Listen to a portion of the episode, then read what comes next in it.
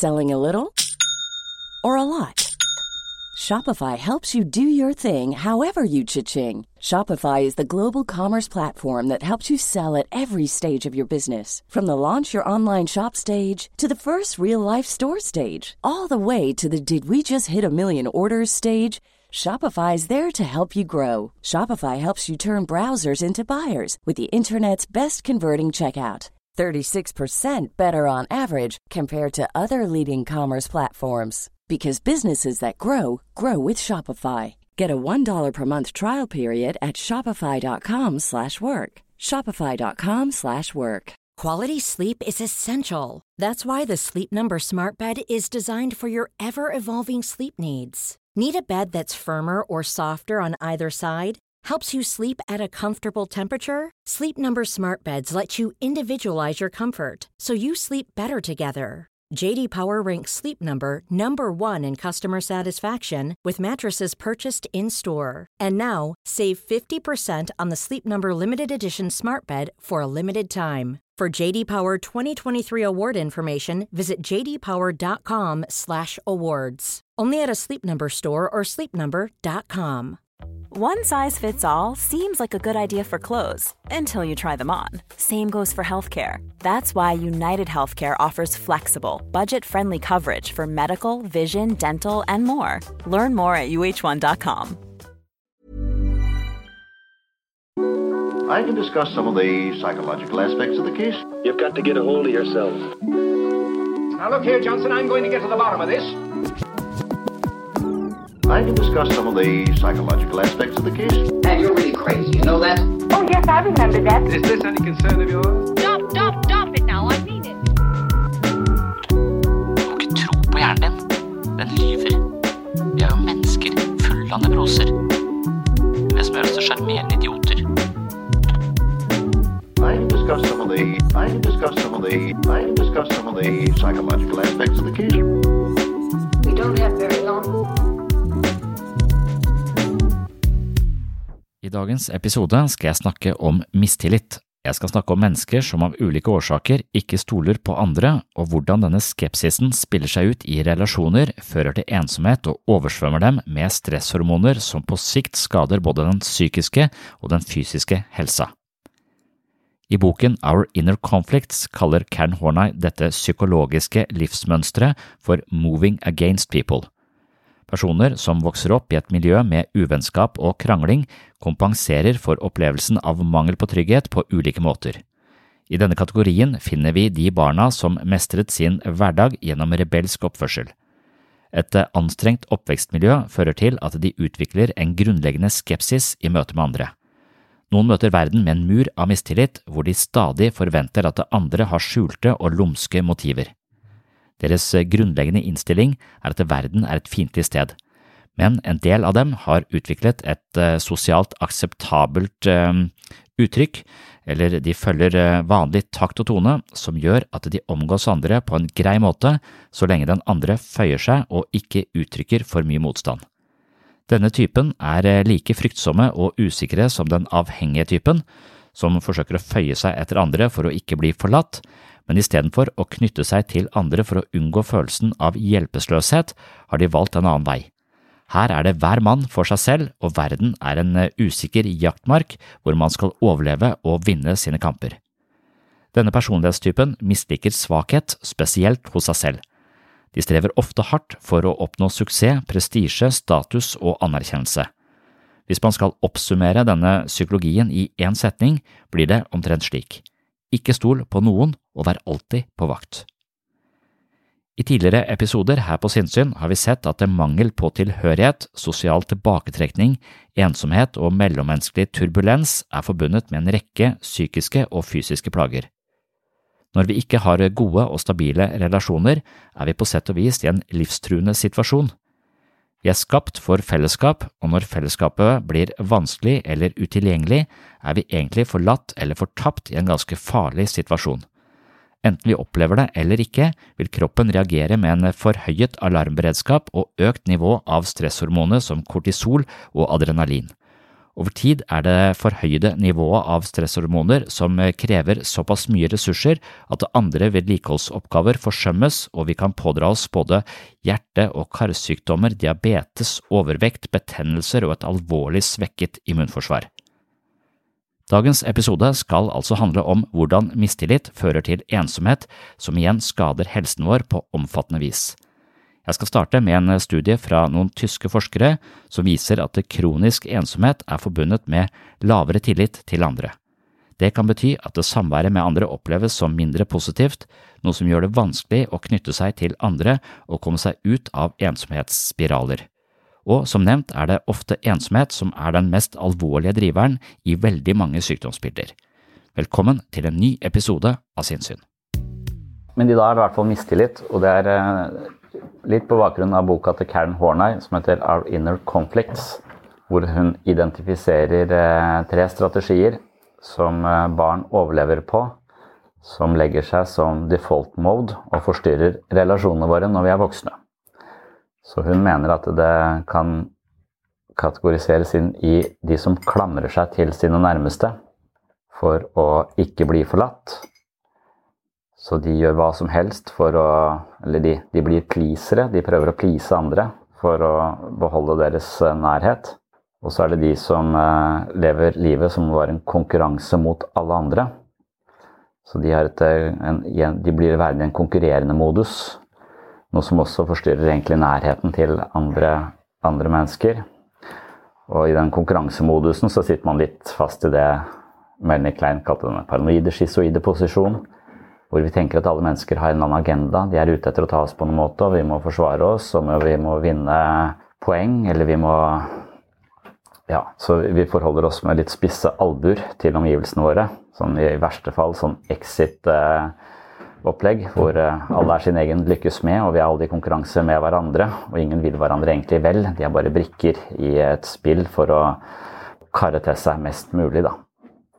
Så det er en annen psykologi. Og så er det de som trekker seg helt sånn følelsesmessig unna det sosiale landskapet fullstendig. Og verken klamrer seg eller konkurrerer med folk, men bare prøver å gjøre seg selvforsynte.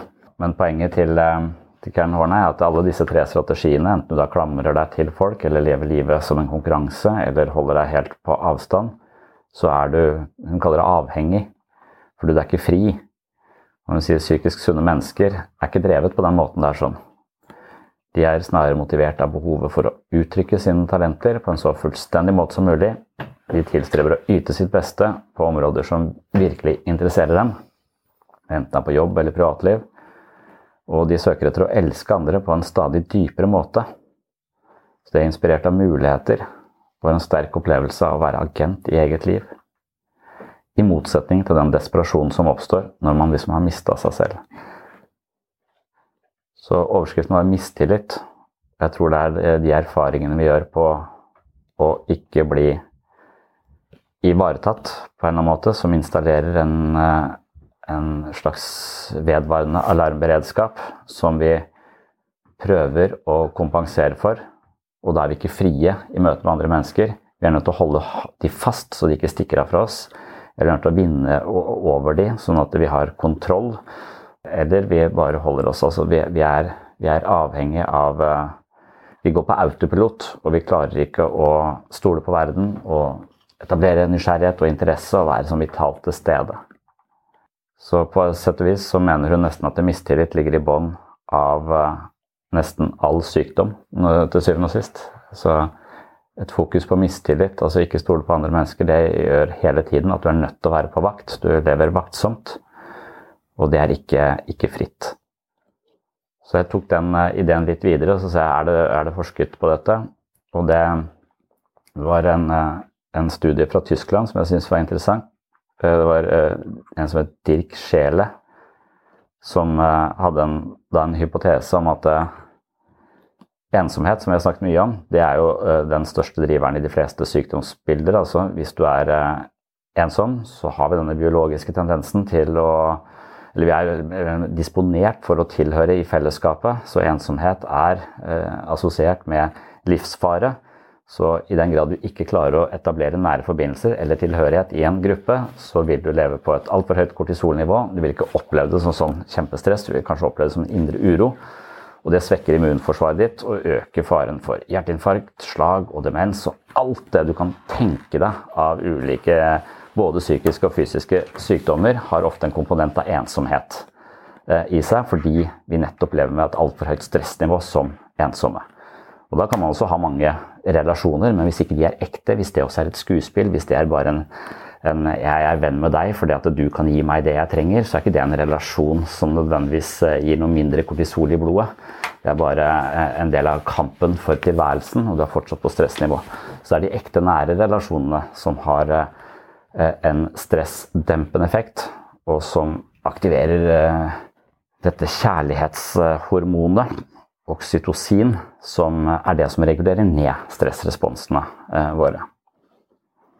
Men det er spørsmålet er det noe forhold mellom det og Altså denne mistilliten og ensomhet. Det virker naturlig at de to er kobla sammen.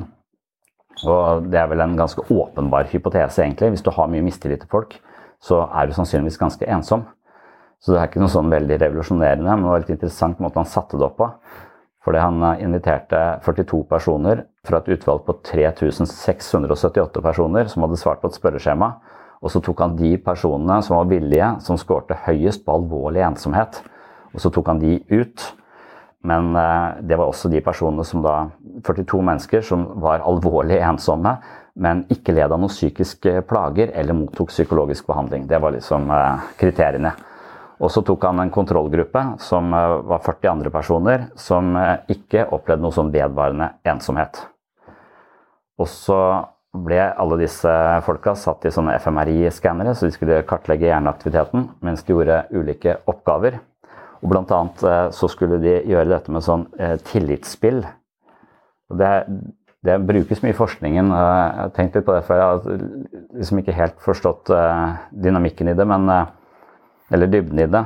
Men du ser for deg at du sitter eh, Du får utlevert 1000 kroner, eller si 100 000 kroner. da.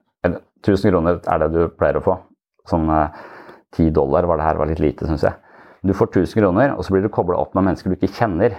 Og spillet går ut på at eh, hvis du tar de 1000 kronene og gir de til en person som du kanskje bare har sett ansiktet til, eller som du har lest noe om, eller noe sånt noe, så, så, ser du den personen. Hvis jeg gir den personen 1000 kroner, så vil den tusenlappen forvandle seg til 3000 kroner. Så den personen vil da få 3000 kroner.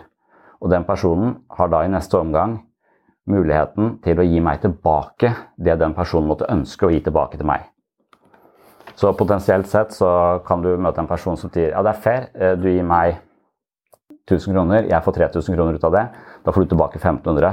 Da har vi tjent på det begge, begge to. Hvis du er høy på tillit, så vil du ofte gi alle pengene til den andre. Men hvis du er lav på tillit, så vil du som regel beholde alle pengene selv. Nei, nå snakker jeg om den som gir pengene. Altså den som, eh, den som sitter med, med, vurderingen. Du har fått 1000 kroner. Du skal vurdere om du skal beholde de pengene selv. Da har du 1000 kroner, du kan bare gå. Du har tjent 1000 kroner. Men sjansen for å øke det, øke summen, den eh, er til stede hvis du gir bort disse 1000 kronene til den andre, men det er den andre som du ikke kjenner, som må vurdere om vedkommende skal gi deg tilbake mer enn du ga vedkommende. Fordi vedkommende har fått, en, uh, fått 2000 kroner ekstra på toppen av de 1000 som du ga. Og da mener man at eh, det vil uh, altså Der skiller mennesker seg hva de vil gjøre. Noen sier nei, jeg stoler ikke på folk, jeg tar de 1000 kronene. Vil sikkert ikke gi meg noe noe tilbake. Er, nå har jeg tjent, jeg vet hva jeg har, 1000 kroner. Jeg gidder ikke gi det til en random fyr som jeg ikke kjenner. Og så er det noen som tenker ja, dette er en mulighet for begge to. Jeg gjør det, også, og det, det mener man korrelerer med tillit.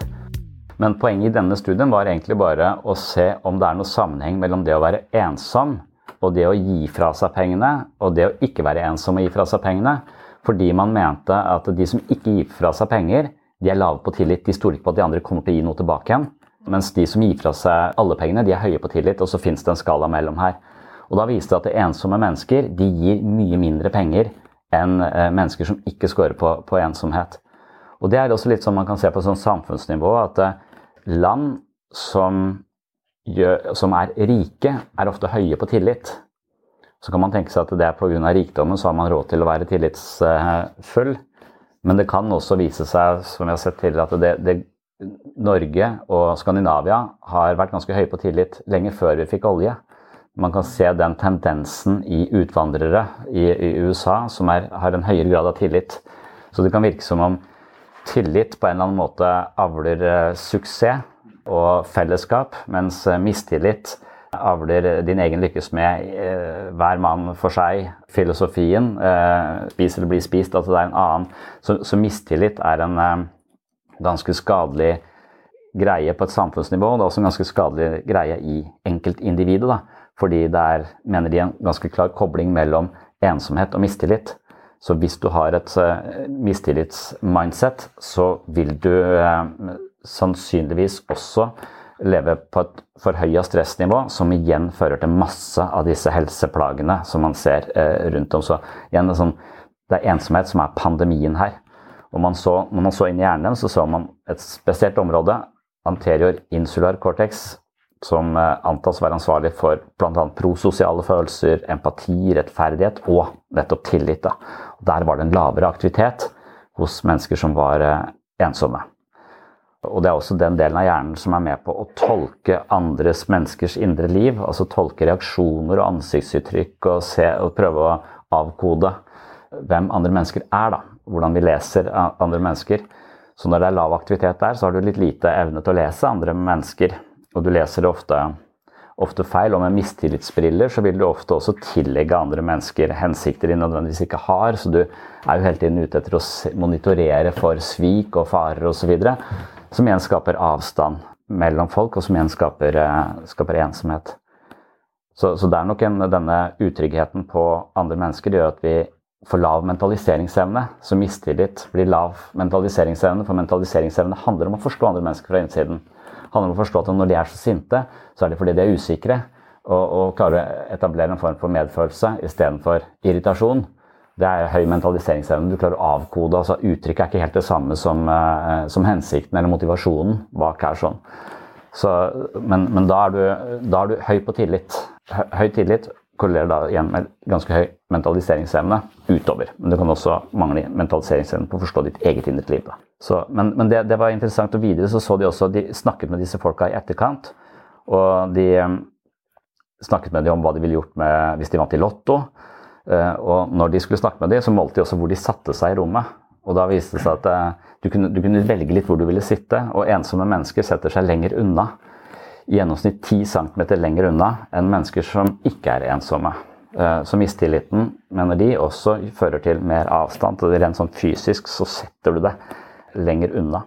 Så, så det var mange, mange ting de, de, så på der. og de, de, tok også spyttprøver av de, og, så, og da, er det, da, er de ute etter å måle I denne studien så var de ute etter å måle oksytocin, som er forbundet med da, eh, styrket sosial tilhørighet.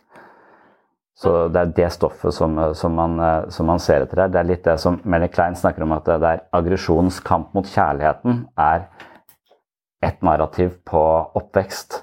Altså du, du, du, kommer inn i en verden, du er eh, hjelpeløs, og du har ofte en, en, slags fryktsom forventning til verden. Når barn slår seg, så skylder de ofte på noen som står i nærheten. Eh, det er du som eh, forårsaket meg smerte, når det egentlig var du som tryna fordi du har dårlig motorikk og går på steder det er dumt å gå. Så, så, det er jo det er barnet sin, sin, skyld, men det er likevel den forelderen som er i nærheten, som får den skylda. Så barnet tenker at det er du som så, så det er den paranoide posisjonen. Mens uh, ideen der, er hvis du klarer å møte den anklagen med kjærlighet, så vil du også hjelpe barnet over i eh, det å regulere ned stresshormonene eh, sine. Altså du vil regulere ned kortisol, for istedenfor å møte med, med Nei, det var ikke meg drittunge, liksom. Hvis du møter dem med det, så øker du bare stressnivået. Hvis du møter dem med kjærlighet, så hjelper du også barnet til å regulere ned sine stressresponser med nettopp dette hormonet oksytocin, som er kjærlighetshormonet, tilknytningshormonet. Så hvis vi klarer å aktivere den pumpa hos andre mennesker, så vil de selv kunne klare å regulere ned, og de vil også kunne koble seg på folk. Så all form for altså Det er kjærlighetens kamp mot aggresjonen, eller det er kortisolens, eller oksytocinens kamp mot kortisolen og adrenalinet og også eh, serotoninet. når Det kommer til, det er mange stoffer her, men liksom satt på spissen så er det det som foregår inni huet. Men det er også det som foregår mellom, eh, mellom folk. Men hva er, hva er, det for noe? For, at, for, for tillit jeg, jeg, skjønner at For, for meg så gir det veldig mening at er mennesker som eh, får plager og kroniske plager, sannsynligvis er høye på mistillit av en grunn, fordi de har erfart at de som skulle ta vare på dem, ikke gjorde det, eller tråkka på dem på en eller annen måte. Så de, de har en slags erfaringsbank som tilsier at det er på vakt. Og når du har det som operativsystem, så holder du litt avstand. Når du holder litt avstand, så er du litt utenfor, og når du er litt utenfor, så er du i livsfare. Og dermed så vil kortisolnivået være for høyt, og du får alle mulige stressrelaterte sykdommer som fins. En ting som, som, er, som, Bare for å sette dette Jeg vet jeg har mast om hvor, hvor sjuk man blir av ensomhet, på en måte. Det å krangle i parforholdet mye Altså, når folk, det er, det er, en type psykisk stress, og det er på de nære relasjonene. og Det er noe av det mest skadelige som er. Med en gang du er i en relasjon som skurrer, og det er mye krangling, så, så vil du være på et forhøya stressnivå, og sjansen for et hjerteinfarkt er tre ganger så stor. Altså, du, du øker helserisikoen tre ganger så stor. En annen ting som er enda, mer, enda lettere å måle, som du kan sjekke, dette her kan man sjekke parforholdet sitt på. Ta så Kutt deg i beinet og se hvor lang tid det tar for å gror. Selling a little or a lot? Shopify helps you do your thing however you cha-ching. Shopify is the global commerce platform that helps you sell at every stage of your business. From the launch your online shop stage to the first real life store stage, all the way to the did we just hit a million orders stage.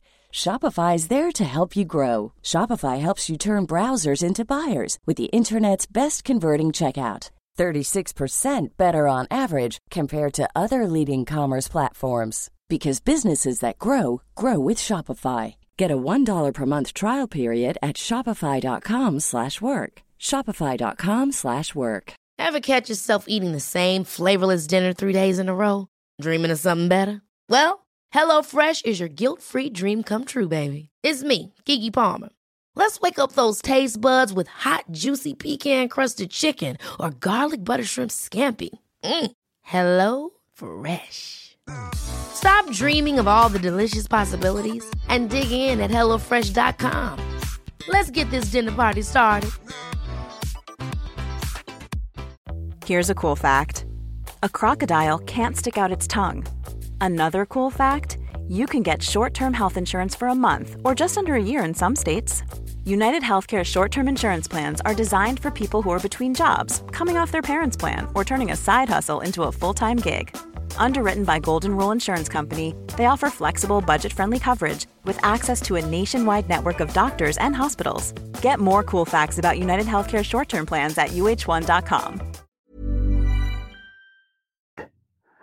Hvis du lever med psykisk stress, så gror såret ti dager lenger før såret gror, enn hvis du er i et balansert, ha gode relasjoner, støttende relasjoner, hvor du ikke lever på et sånn forhøya stressnivå.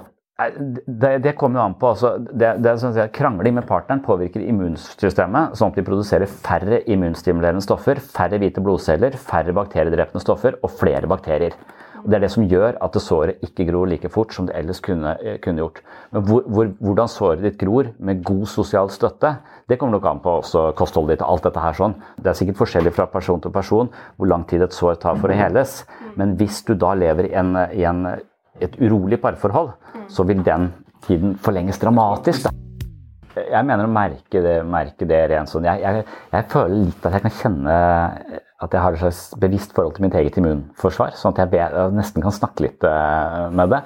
Og jeg vet litt hvordan det altså, Så dette gir liksom veldig sånn mening til meg. Nesten sånn personaliserer mitt eget eh, immunforsvar. Og jeg vet at disse, akkurat nå så hadde jeg sikkert vært ganske forkjøla, for jeg merker at jeg kunne blitt det hvis jeg ikke hadde vært såpass i balanse som jeg er akkurat nå. Som er greit, jeg krangler ikke med kona akkurat nå. Og så er det også sånn at vi har fått en ny katt i huset, som går, en, som kattunge som beveger seg rundt der. Så sover ved siden av hodeputa mi, som maler. Jeg blir helt, jeg blir helt rolig av den, den, katten. Selv den katten er jævlig stressende egentlig, for den er oppi smør og den er oppi der, den stikker ut. og Det er egentlig en stressfaktor, men den er eh, merkelig nok også bare enormt beroligende. Så Den skaper sånn harmoni i hele eh, systemet. Den spretter rundt og er, er helt vill. Og så kan jeg ta den med meg i tankene. Så den kan roe meg ned. Den kan gi meg en slags sånn oksytocintilførsel ved å bare tenke på den. Og det, tenke, det kan du sikkert med barnet ditt nå, men med en gang jeg tenker på barnet mitt, tenkte jeg å faen, har jeg glemt matpakken? Altså, da, da, blir jeg bare bekymra. Så, så, jeg kan ikke bruke barna mine på samme måte, selv om jeg er veldig glad i de. Og det er masse, masse sånn tilknytning og nærhet å hente der òg, som er eh, helsefremkallende. Men hver gang jeg tenker på de, så begynner jeg å bekymre meg for Oi, åssen gikk det på den prøven i dag? Altså, men så jeg tenker på den katten, så er det, det er ikke, den bare maler og er. Men sånn, i et sånn relasjonelt perspektiv så gir det jo mening å drive med gruppeterapi, som vi driver med, for det handler om å se hvordan kan jeg klare å skape en bedre forbindelse til de folka som er rundt meg. Hvordan kan jeg våge det? Hva er sårbarhet? Hva er det som hindrer at jeg ikke kommer nær uh, andre mennesker? Hva er det som ligger bak det at jeg hele tiden trekker meg tilbake? Altså det å gjøre noe med den default-moden man har, hvis man ikke klarer å ha nære forbindelser, det tror jeg vil være, det vil være på tvers av ulike diagnoser veldig eh, mye helse i det, uansett hva. Så det står liksom i, i denne boka bare noe så enkelt som et varmt og godt blikk, liksom. Det, det får kroppen til å bare spy ut masse oksytocin, som er stressdempende. Som bare det å møte folks blikk, vennlig, smile, altså ta på folk, hjelper eh, veldig. Og, og, da, og det er litt sånn For da tenker jeg ok, her, her, er en jobb å gjøre. Jeg liker ikke å ta på folk. Jeg liker ikke nødvendigvis at folk eh, tar på meg. Du tok på meg eh, i stad, og da hadde jeg dette her i bakhodet, så det tenkte jeg var en god, en god eh, ting. Og, sånn, og, og, jeg følte det ikke som en sånn eh, og Jeg følte det ikke som noe stikk. eller Jeg, bare, jeg vet ikke, jeg er bare sånn redd for um, å være invaderende eller noe da, på, på folk. Jeg vet ikke om jeg er sånn men, men, jeg, men nærhet, altså bare for sikkerhets skyld, ikke vært så nær, tror jeg. Og så tenker jeg kanskje at eh, det er faen ikke så lurt. Altså, jeg tror alle disse små gestene faktisk har noe å si, da. Nei, ikke sant, men det er en liten de, detalj for en som ikke uh, pleier å ta på eller bli tatt på. jo da, i, av mine nærmeste er jeg, er jeg, nær, men ingen utenfor mine nærmeste har jeg liksom sånn eh, så, så, for meg så er det nå at vi er tilbake uten Nå skal vi drive og vurdere om vi skal ta i hånda. og Jeg dreit meg ut her om dagen, skulle ta henne i hånda, så ga han meg knoken. En annen fotballtrener. altså jeg mener, Da tar vi i hånda, skal vi klemme. og Nå er vi tilbake i den der eh, smørja der vi ikke vet hva vi skal gjøre. Men konklusjonen i boka var det som har størst betydning for hvor lenge du lever, er altså ikke hvilke gener du er utstyrt med, hvordan kolesterolverdiene dine er, om du røyker, trener eller har et sunt kosthold, men rett og slett hvordan du har det i dine nære relasjoner. Og det betyr da, eh, betyr da enda mer. Altså det med røyking også. Røyking, hvis du skal ha en operasjon og du røyker, så får du beskjed om du må slutte å røyke, for hvis ikke så gror ikke såret. Det er fordi at blodårene trekker seg sammen, som gjør at såret ikke får like mange av de næringsstoffene som trenger for å heles. Da. Så du, du, må slutte å røyke hvis du skal opereres. Det er beskjeden på sykehuset nå, nå, for tida. Men du burde også sagt at må du slutte å krangle med, eh, med, med, vennene dine eller med partneren din, eller eh, sånn, for så kan du ikke opereres, for da gror faen ikke dette, dette såret. Men hele kroppsspråk og ta på-greiene er jo også like finurlig som språket vårt. Altså, så måten du tok på meg på, var jo veldig vennlig. ikke sant? Så jeg følte det som en slags vennlig eh, gest. Mens hvis du hadde tatt på meg, hvis du holdt meg på skuldra mens du snakka til meg, sånn som Tony Soprano gjør, så hadde det vært en helt annen gest. Det hadde fortsatt vært berøring, men det hadde vært eh, eh nå, skal jeg, nå skal jeg kue deg. Og vi snakket om det, altså Nocebo er jo den forventningen som spiller en rolle når vi tar en medisin. Hvis vi forventer at medisinen skader oss, eller at vi får bivirkninger, så er sjansen for det mye, mye større. Vi snakket om det med ereksjonsproblemer og en eller annen type prostatamedisin som gjorde at én av tusen får det eh, hvis de ikke vet om den bivirkningen. Hvis du forteller menn om den bivirkningen, så får én av tre det. Så det er ganske dramatisk mye mer. Da. Så nocebo er jo et eh, absolutt fenomen. Så hvis vi kan tenke på mistillit som en slags kollektiv eh, nocebo For det er en bok av en som heter Rutger Bregman som heter 'Folk flest er gode'.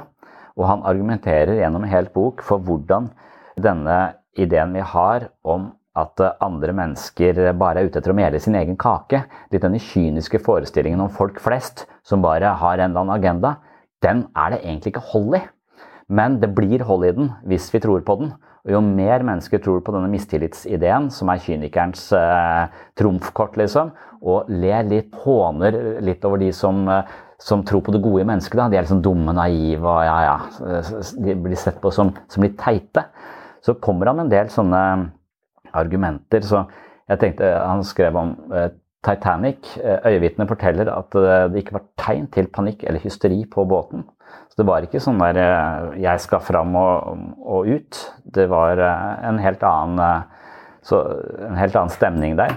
Og han mener også at 11.9., altså da var det tusenvis av mennesker som gikk rolig ned trappene i tvillingtårna, selv om de visste at livet deres var i fare. Og ifølge brannmannskapet og de som var der, så mente de at det som ble sagt mest, var Nei, nei, du først. Det var det som ble sagt mest på vei ned 11.9.2001. Så at mennesker uh, blir på sitt verste når uh, vi er mest pressa, det er ifølge han en seigt liv av myte. Altså, at mennesker fra naturens side er egoistiske, paniske og aggressive, er en hardnakka myte. Det man da tenker seg, er at sivilisasjonen ligger som et sånt tynt lag over, eh, over, oss. Og vi forholder oss høflig for det vi har overskudd til det, men med en gang vi blir litt pressa, så kommer dyret fram i oss, og vi bare finner fram de spisse albuene. Han mener at det ikke er sant. Og han mener at det er fremragende tenkere i vår kultur som har befesta den myten. Han nevner om mennesker kan man generelt sett si at de er utakknemlige, vankelmodige og hyklerske. Det er Machiavelli. Og, og han grunnla statsvitenskapen. Alle mennesker ville ha vært tyranner om de hadde kunnet. Det er John Adams, som var, eh, ble ansett som amerikanske demokratiets grunnlegger. Og så er det Freud selv da, som sier at eh, vi stammer fra generasjoner av drapsmenn hvis drapslyst ligger i blodet vårt. Så, så det er disse, disse, tenkerne som har, har, på en måte fremmet denne ideen om at det er pga. denne denne kulturen som vi har lagt over, hemmet disse dyriske instinktene våre, som gjør at vi, vi klarer å omgås, på en måte, men med en gang vi blir litt pressa, så krakulerer det, og så kommer vi eh, hver mann for seg, og vi kommer til å drepe naboen hvis vi må. Men jeg er usikker på om det er sånn. Kanskje vi har grunn til å ikke ha den type mistillit til andre folk. Og egentlig har tenkt at det, når vi er mest pressa, så kommer kanskje det beste i mennesket fram. Det kan være også en, eh, en, teori. Det er sikkert, det er jo ikke enten-eller her. Men kanskje vi skal, eh, skal, fronte mer den ideen om at vi faktisk eh, er ganske altruistiske og gode når vi, når vi blir pressa, at vi kommer til å ta vare på hverandre. Kontra det som er i alle apokalypsefilmer, at da er det bare alle kjemper om alt. Det er det som er dynamikken i alle disse apokalypsefilmene.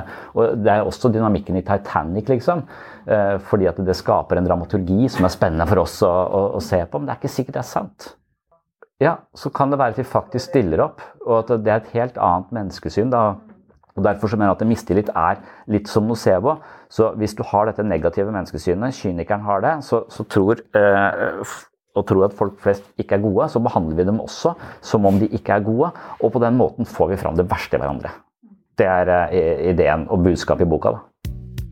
Et studie som jeg bare skal nevne i den sammenheng som jeg ikke vet hvordan hører inne, men det var en, et, På et russisk universitet så var det en som het Dimitri, tror jeg, hun tror det var en dame. Hun, hun sa mitt prosjekt, hun sa til veilederen sin jeg har et prosjekt, jeg har lyst til å gjøre rever om til hunder.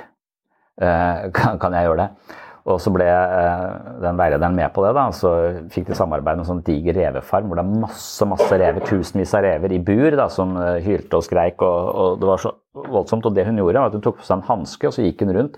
Så stakk hun handa inn i buret til disse revene. Og hver gang reven bare glefsa til, så droppa hun den reven. Men alle de revene som bare var litt sånn avventende og litt tvilende til hvordan de skulle reagere på denne hånda, de avlet hun på. Så de var, det var altså mindre aggressive eksemplarer av disse revene. Det var de hun eh, navlet fram. og Dette foregikk over lang, lang, lang tid. Eh, og da fikk hun etter hvert eh, rever som var mye vennligere. Og rever blir visst ganske sånn alvorlig og aggressive når det har gått åtte uker. Mens før det så er de sånn lekne og valpeaktige. Jeg ser på vår, den lille katten der, og syns det er rart at dattera mi stikker fingeren inn i munnen på den, eh, på den katten. Den, og det syns jeg er så rart at den katten ikke biter oss hardt. Den biter oss absolutt ikke hardt. Så, den, den, har klørne ute, men det er som kiling. Og, kan, og, jeg vet at den har mye mer kraft i munnen til at den kan bite, men den gjør det ikke. Så den har en slags vennlig lekenhet. Eh, og det må være et eller annet han skjønner, at han skjønner at vi er venner, og jeg behandler deg fint, men vi leker sammen. Men hvis han ikke skjønner at det er meg, hvis jeg stikker hånda mi under en stol hvor det er et hull, og, jeg, og, han ikke skjønner at det som han ser under der, hører til meg, så tar han meg jævla mye hardere. Så, da, da, så, så, så, lenge, den må forstå at jeg er meg, og så vil den behandle meg, meg vennlig. Da. Og, det, og, den valpeaktige lekenheten den hadde disse revene fram til de var åtte uker, og så, og ble det litt borte. Men de hun avlet frem, de beholdt denne valpeaktige lekenheten mye lenger. Da. Og ideen er kanskje at hvis vi domestiserer eh, dyr på denne måten, så gjør vi de dummere. For vi fratar de naturens eller det de har fra naturens side for å overleve. Så hvis vi fjerner det aggressive gemyttet hos en rev, så vil den ikke overleve i det fri, og den vil bli dum. Men det som viste seg med disse revene, i hvert fall i dette eksperimentet, var at de, de ble ekstremt mye mer intelligente. De løste oppgaver mye bedre, de samarbeida mye mer. De hadde et mye lavere kortisolnivå i flokkene seg imellom. Eh, så, så det var en, og de levde lenger. Så, så, dette her ble mer intelligente. altså De ble mer relasjonelle, de ble mindre aggressive, og de samarbeida bedre. Og hjernen deres ble større. Så, så, og, hun, og, denne forskeren mener også at dette er altså stresshormoner. altså det, er en, dette er liksom, det som skjer her, er at de klarer å regulere stresshormonene sine bedre enn sine aggressive fetter og kusiner. Så det er denne økte produksjonen av serotonin som de så i, og oksytocin som igjen eh, klarte, som det ble mer av. Mer tilknytning, mer av det. Hjernen ble større, de ble mer intelligente, de ble mindre aggressive. Samme som man har sett hos de der bavianene eh, hvor alfahannene dør ut pga. at de spiser forderva mat fra en eh, restaurant. Og så når, når, du ikke lenger har noen sånne folk som driver og kuer alle de andre, så alle de andre går rundt og er stressa, så, så, ser man at kortisolnivået synker dramatisk, og de får en helt annen samhandling seg imellom. Alle er mer harmoniske, gruppa fungerer mer harmonisk, helt til det kommer en ny alfaen og fucker opp hele driten. Men eh, så, så går det også an å, å lage en kultur hvor de sier nei, vi skal ikke ha sånne alfahanner. Dette er metoo i eh, apeverdenen, liksom. Vi gidder ikke ha sånne idioter på toppen lenger, for det fucker opp for alle, alle, oss andre. Så da kan det virke som om, eh, selv om man da fucker litt med naturen ved å avle frem noe, så kan det også være at det, hvis kulturen har en sånn, hvis det finnes en slags positiv eh, psykologisk, sosial evolusjon, at vi går til mer og mer samarbeid, som egentlig gjør, oss, gjør at vi lever lenger, at vi har bedre immunforsvar fordi vi slipper å gå rundt på alarmberedskap. Og da vil mobbing og alt faenskap som installerer mistillit i huet på folk, være så jævlig skadelig. Alt som installerer mistillit i mennesker, og kulturelle fortellinger om at du kan ikke stole på noen. Alle bare Ja, de, de, smiler og ler, men det er bare fordi de vil ha noe av deg. Altså Alle de der kyniske ideene. Og hvis du tror noe annet om folk, tror at folk faktisk er gode, så blir du sett på som dum og naiv. Da, da, tenker jeg bedre være naiv da, enn å gå rundt og dø av hjerteinfarkt i en alder av 50 bare fordi du mistenker alle for en eller annen eh, underliggende agenda.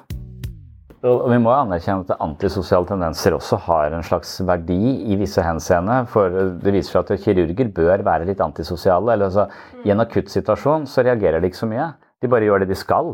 For det med sånn, å stakkars, alle, alle, de følelsene som, som forkludrer eh, situasjonen for oss, som gjør at vi å, blir, blir sånn, de har ikke psykopater, så de kan fungere utmerket i et akuttmottak. sånn at det, det bare kultivere de egenskapene man har da, på de riktige stedene. Og jeg mener jo ikke at man skal avle på, på mennesker. Det ville være en ganske nazistisk eller sånn raseren idé som føles ganske skadelig. Men kanskje vi skulle i hvert fall jobbe litt med de kulturelle narrativene om hva vi tenker om, om mennesket. Altså menneskesynet vårt. Altså at vi er tjent med en idé om at mennesket grunnleggende sett er ganske godt. Og at det er litt det som er min erfaring fra gruppeterapi, kanskje det som har gjort meg til et bedre menneske, er at jeg langsomt ser at de folka jeg møter, de strever. De strever akkurat som meg. De ligner meg. Og når de gjør idiotiske ting, så er det for å prøve å gjenvinne en slags verdi, eller prøve å være verdt noe. Altså, de gjør det på samme måte som jeg er dust for å prøve å, å vise meg eller ha verdi fordi jeg føler jeg mangler verdi. Altså, så alle symptomene er ikke nødvendigvis Det er ikke ondskap eller at folk er så, så Når man klarer å ha den vennligheten i bånn, og heller ha det menneskesynet Da syns jeg heier på Dalai Lama og sier gå rundt og mediter på kjærlighet hele tiden. Og så ah, fuck, han er, Hvilken planet er han fra, liksom? Og så, altså Det virker at det, det, det, ligger i meg, også kynikeren ligger i meg. Jeg merker fort at jeg blir sånn ah, Positiv psykologi, kjærlighet. Fuck off, det kan stå på kjøleskapet, men det er ingen som tenker, eh, tenker sånn. Det er litt den Jeg merker det er i meg. Så det har ikke så mye med det fysiske å gjøre. Det har med motivasjonen bak eh, den gesten du kommer med, om den er verbal, eller om den er bare et blikk, eller om den er og da var vi i Vennesla spilt mot uh, Vindbjart, som vinner serien. Vi er der for å tape mot dem, og et helvete, og der er en mor. Og Jeg har aldri møtt dette mennesket før. Og så skal jeg liksom finne bane, og sånn, så kommer hun bort til meg, så smiler hun, og, og, så dytter hun meg i magen med pekefingeren sin. Og så blunker hun, og, og, så vet ikke jeg hvem dette mennesket er. Og så, bare, og, så, og, så, og så kom det så bardust på meg at hun tok på meg, liksom, og så dytter meg inn Jeg vet ikke, du dytter baby Hvem er det som dytter med en pekefinger inn i magen? Og så var jeg sånn Faen, nå glemte jeg å stramme. så, så det virka veldig sånn mykt. Men det, det, var rett og slett en, helt sånn motbydelig sånn derre Dere er dårlige, vi er gode. Til moren til en eller annen uh, spiller sånn der hva, hva, hva er det med deg? Altså, altså det, det, føltes som, det, føltes veldig invaderende at det mennesket tok på meg. Eh, men det var en helt annen sånn hva faen. Så den nærheten vi klarer å skape med folk, det vil hjelpe den, og det vil hjelpe oss. Men så er problemet vårt at vi har erfaringer som tilsier at det ikke er lurt å stole på folk. Noen kaller det forrædertraume. Og det gjør ganske mye med, med, med, hele operativsystemet vårt, men det gjør også mye med hele koblinga i hjernen vår. Så bare nevne det, også det, det studiet med PTSD, altså de barn som hadde opplevd overgrep, var, eh, var med i en studie hvor de skulle se på hva som skjer i hjernen, og da var det spesielt to områder, det ventrale og det dorsale oppmerksomhetsnettverket.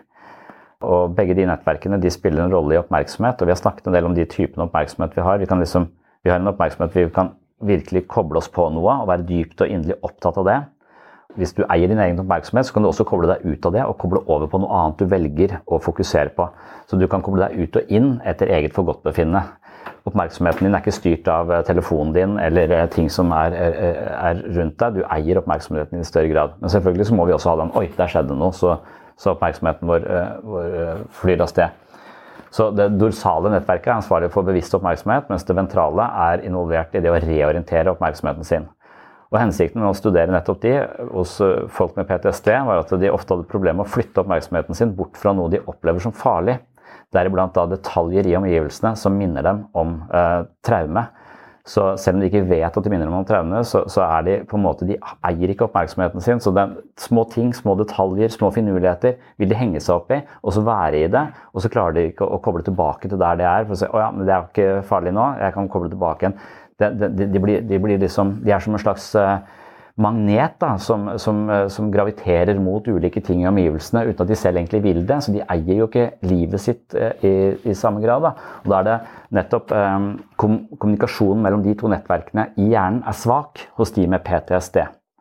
Og Poenget med å si det nå er bare at det, det de prøvde på der, det var å, å se om hvis de tilførte oksytocin, det hormonet, hos disse folka med PTSD, så så de at, eh, at den, eh, eh, den, kommunikasjonen og aktiviteten i de to sentrene økte. Så kommunikasjonen mellom de og samarbeidet mellom det å være konsentrert og det å reorientere seg, den ble mye sterkere hvis de tilførte kunstig oksytocin. Som en slags da, Kjærlighetshormonet ble en slags medisin mot PTSD eller traumer, eller forræder, forrædertraumer, kaller jeg vet ikke, for det at den som skal ta vare på deg, de voksne som skal eh, besørge din overlevelse, de behandler deg ræva eller dårlig eller uh, trår over dine, dine grenser. Så, så, du, så, så, når det har, har, skjedd, så er det et eller annet også rent sånn nevrokjemisk, selvfølgelig. Men det er også da aktivering av kjærlighetshormonet som vil reparere den skaden rent sånn biologisk. Og da kan vi også se hva er egentlig behandlingen for PTSD. Jo, det er kjærlighet, det er nærhet, det er forståelse, det er eh, et vennlig blikk. Det er å klare å reetablere nær forbindelse til andre mennesker som får i gang oksytocinpumpa di, sånn at oppmerksomheten din kommer mer i vater. Og at du eier den, eier den mer. Så, så, så, jeg blir litt sånn eh, av dette, for jeg føler jo ikke at jeg er en sånn veldig varm person. Altså, jeg er ikke så høy på ekstrovert varme på Big Five, altså, altså, men jeg tror hvis jeg hadde vært høyere på ekstrovert varme, så hadde jeg hatt en, hadde jeg vært en bedre terapeut. For jeg er jo flinkere til å sparke litt her og der enn jeg er til å, å aktivere oksytocinpumpa til folk, eller skape nærhet. Men jeg kan godt kjenne i en gruppesituasjon at noen ganger så blir det veldig nært. Og jeg føler det selv som en slags Akkurat som jeg føler med katten. da jeg, jeg, har den samme følelsen som jeg har med den, den, katten som nå bor hjemme hos meg, etter at jeg går ut av rommet. Og andre ganger så vet jeg ikke hva jeg skal gjøre meg, for jeg er så stressa at jeg vet ikke, vet ikke, opp og ned på noen ting. Jeg vet ikke om jeg skal le eller grine, eller hva faen skjedde nå? Men det er vel det vi skal. da, Vi skal se på hva faen skjedde nå. og så se hvordan kan vi komme tilbake til å forstå dette og roe det ned og, og komme nærmere hverandre gjennom den forståelsen av hva som gikk så jævlig gærent sist. så det må være, være poenget, poenget med det. Men uh, dette velværehormonet, altså oksytocin, altså forbundet med styrking av sosiale relasjoner og opplevelsen av kjærlighet, ja, det, det, det, er nettopp det jeg lurte for Jeg satte det som spørsmål oksytocin som medisin. spurte jeg, altså, eller så, altså, fikk jeg ikke sjekka det opp om det fins altså, Det virker så mekanisk. Ja, for, det, for, dette er jo det liksom, Dette hormonet ble jo liksom Man blir oppmerksom på det nettopp ved fødsler, for det øker så veldig hos eh, foreldre. Eh, for da, fordi, nettopp fordi det, er den, det er den kjemiske korrelatet til eh, tilknytning. Det er, det er det, er, så tilknytning er tilknytning det er veldig sånn mekanisk å snakke eh, om det i medisinsk forstand. Så, så jeg, jeg, jeg, gjør det av og til bare fordi jeg det, føler det gir det mer tyngde. Men dypest sett, hvis du mangler oksytocin og du har mistillit, så, jo, så, kan du få det tilført utenfra. Så kan du bare fortsette, da, for nå har jeg nok av det. Men jeg tror det uansett er nødt til å det, det, må være et slags signal på at du må reorientere deg. Du må begynne å tenke annerledes som mennesker. Du må begynne å våge mer i relasjoner. Du må kanskje våge å være mer sårbar. Det bør være et slags um, varsko på du er nødt til å forholde deg litt annerledes uh, psykologisk sett. Og, og, dermed kanskje prøve å dyrke mennesker som vil deg vel, og prøve å være sammen. Prøve å jobbe aktivt for de, den typen forbindelser som nettopp gjør, gjør, dette her. For hvis du får det kunstig, så, så det er greit nok at vi, kanskje vi må opp på et visst nivå, men, men det, er der, eh, det, er der, medisineringen kommer til kort. Da, for dette er noe vi også kan ved å tenke annerledes, eh, ved å oppføre oss annerledes, ved å ta mer på folk, ved å komme nærmere de, altså ved å sette oss nærmere de. Eh, alt dette her vil summa summarum styrke din egen evne til å regulere deg selv mye bedre. Men spørsmålet, ja, spørsmålet er om, om i, hvor mange prosent mangler noe rent fysiologisk sett, og hvor mange prosent lever bare usunt. Sånn som at, det, at du plutselig spiser eh, bare junkfood for det var lett tilgjengelig, og du droppa det, og så ga du ikke treninga. det er så veldig tydelig hva man gjør med kroppen sin når man eh, behandler den dårlig. da. Og det er så veldig tydelig hva man skal gjøre for å ikke gjøre det. Men, men det samme samme vedlikeholdsregime bør du kanskje ha psykologisk sett? Er det fordi jeg ikke orker å gi folk en klem? Altså, jeg vet at jeg velger det hver gang. Jeg, jeg kan være Folk vi, vi, driver og monitorerer. Skal vi klemme, skal vi ikke klemme? Altså, ofte så stiller jeg meg så langt bak at når de har hilst, så nå, nå er vi ferdig med hilse. Hei, hei, sier jeg bare. Er, altså, og så slipper jeg å ta alle disse folka i, i hånda, liksom. Men jeg kan kanskje gjøre det, da. Og at, at det er litt som å ikke spise McDonald's den dagen, men heller at Det er en psykologisk måte å operere på. Så, så mye egentlig er sånn slitt, psykologisk slitasjeskader. At vi eh, holder oss unna, eller ja. Takk for følget. Det var det jeg hadde om mistillit i denne omgang. Det var altså denne tyske studien hvor forskerne oppdaget at folk som stadig havna i ensomme tankespiraler, hadde en ting felles, dette med svekket tillit til andre mennesker, som dannet utgangspunktet for dagens episode. Forskningen tydet blant annet på at ensomhet øker stressnivået i kroppen, det visste vi fra før, og noe som på svikt da svekker immunforsvaret og øker faren for en rekke helseproblemer som hjerteinfarkt, slag og demens. Ifølge en norsk studie så tjener også ensomme mennesker mindre penger.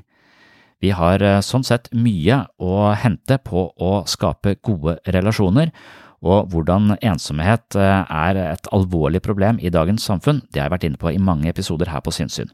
Og jeg har påstått at ensomhet er blant de mest avgjørende driverne i veldig mange lidelser, både fysiske og psykiske, og det står jeg fortsatt ved.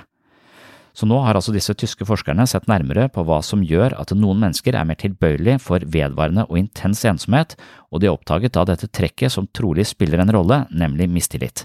Det er kanskje ikke så forbløffende at en holdning preget av mistillit skaper avstand mellom folk, men likevel synes jeg at forskerne fra Tyskland kastet et interessant lys over mistillitens og ensomhetens psykologi, og det var da hovedpoenget i dagens episode. Og så var det også denne kampen da mot stresshormonene, kortisol, denne fryktsomme beredskapen man eh, nødvendigvis har hvis man er utenfor fellesskapet av ulike årsaker, og hvordan da tilknytning og dette kjærlighetshormonet, oksytocin, kan være den viktigste medisinen mot eh, denne typen ensomhet og frakobling Og da er jo spørsmålet hvordan skal vi intervenere overfor oss selv, overfor andre mennesker, når vi ser utenforskap og når vi selv føler oss ensomme. Da er eh, pri 1 prøve å finne relasjoner som gjør deg godt, prøve å yte noe for andre, koble deg på andre, være interessert i andre og skape sterkere bånd mellom deg og verden. Hvis du gjør det, så vil du få et slags eh, ja, du vil få en liten eh, tilførsel av oksytocin, som er det hormonet du trenger for å regulere ned stresshormonene som over tid kan ta livet av de fleste av oss. Så det var hovedbudskapet i dagens episode av Sinnssyn. Takk for følget, og velkommen tilbake i neste episode. Oh, I'm just losing my mind, that's all.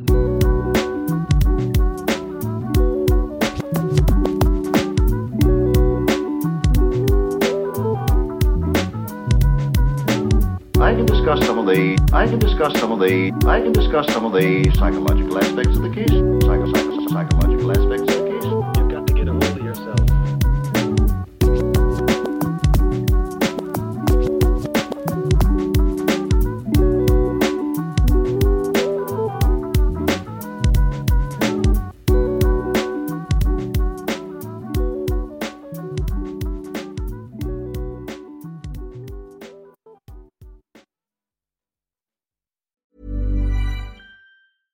Selling a little or a lot?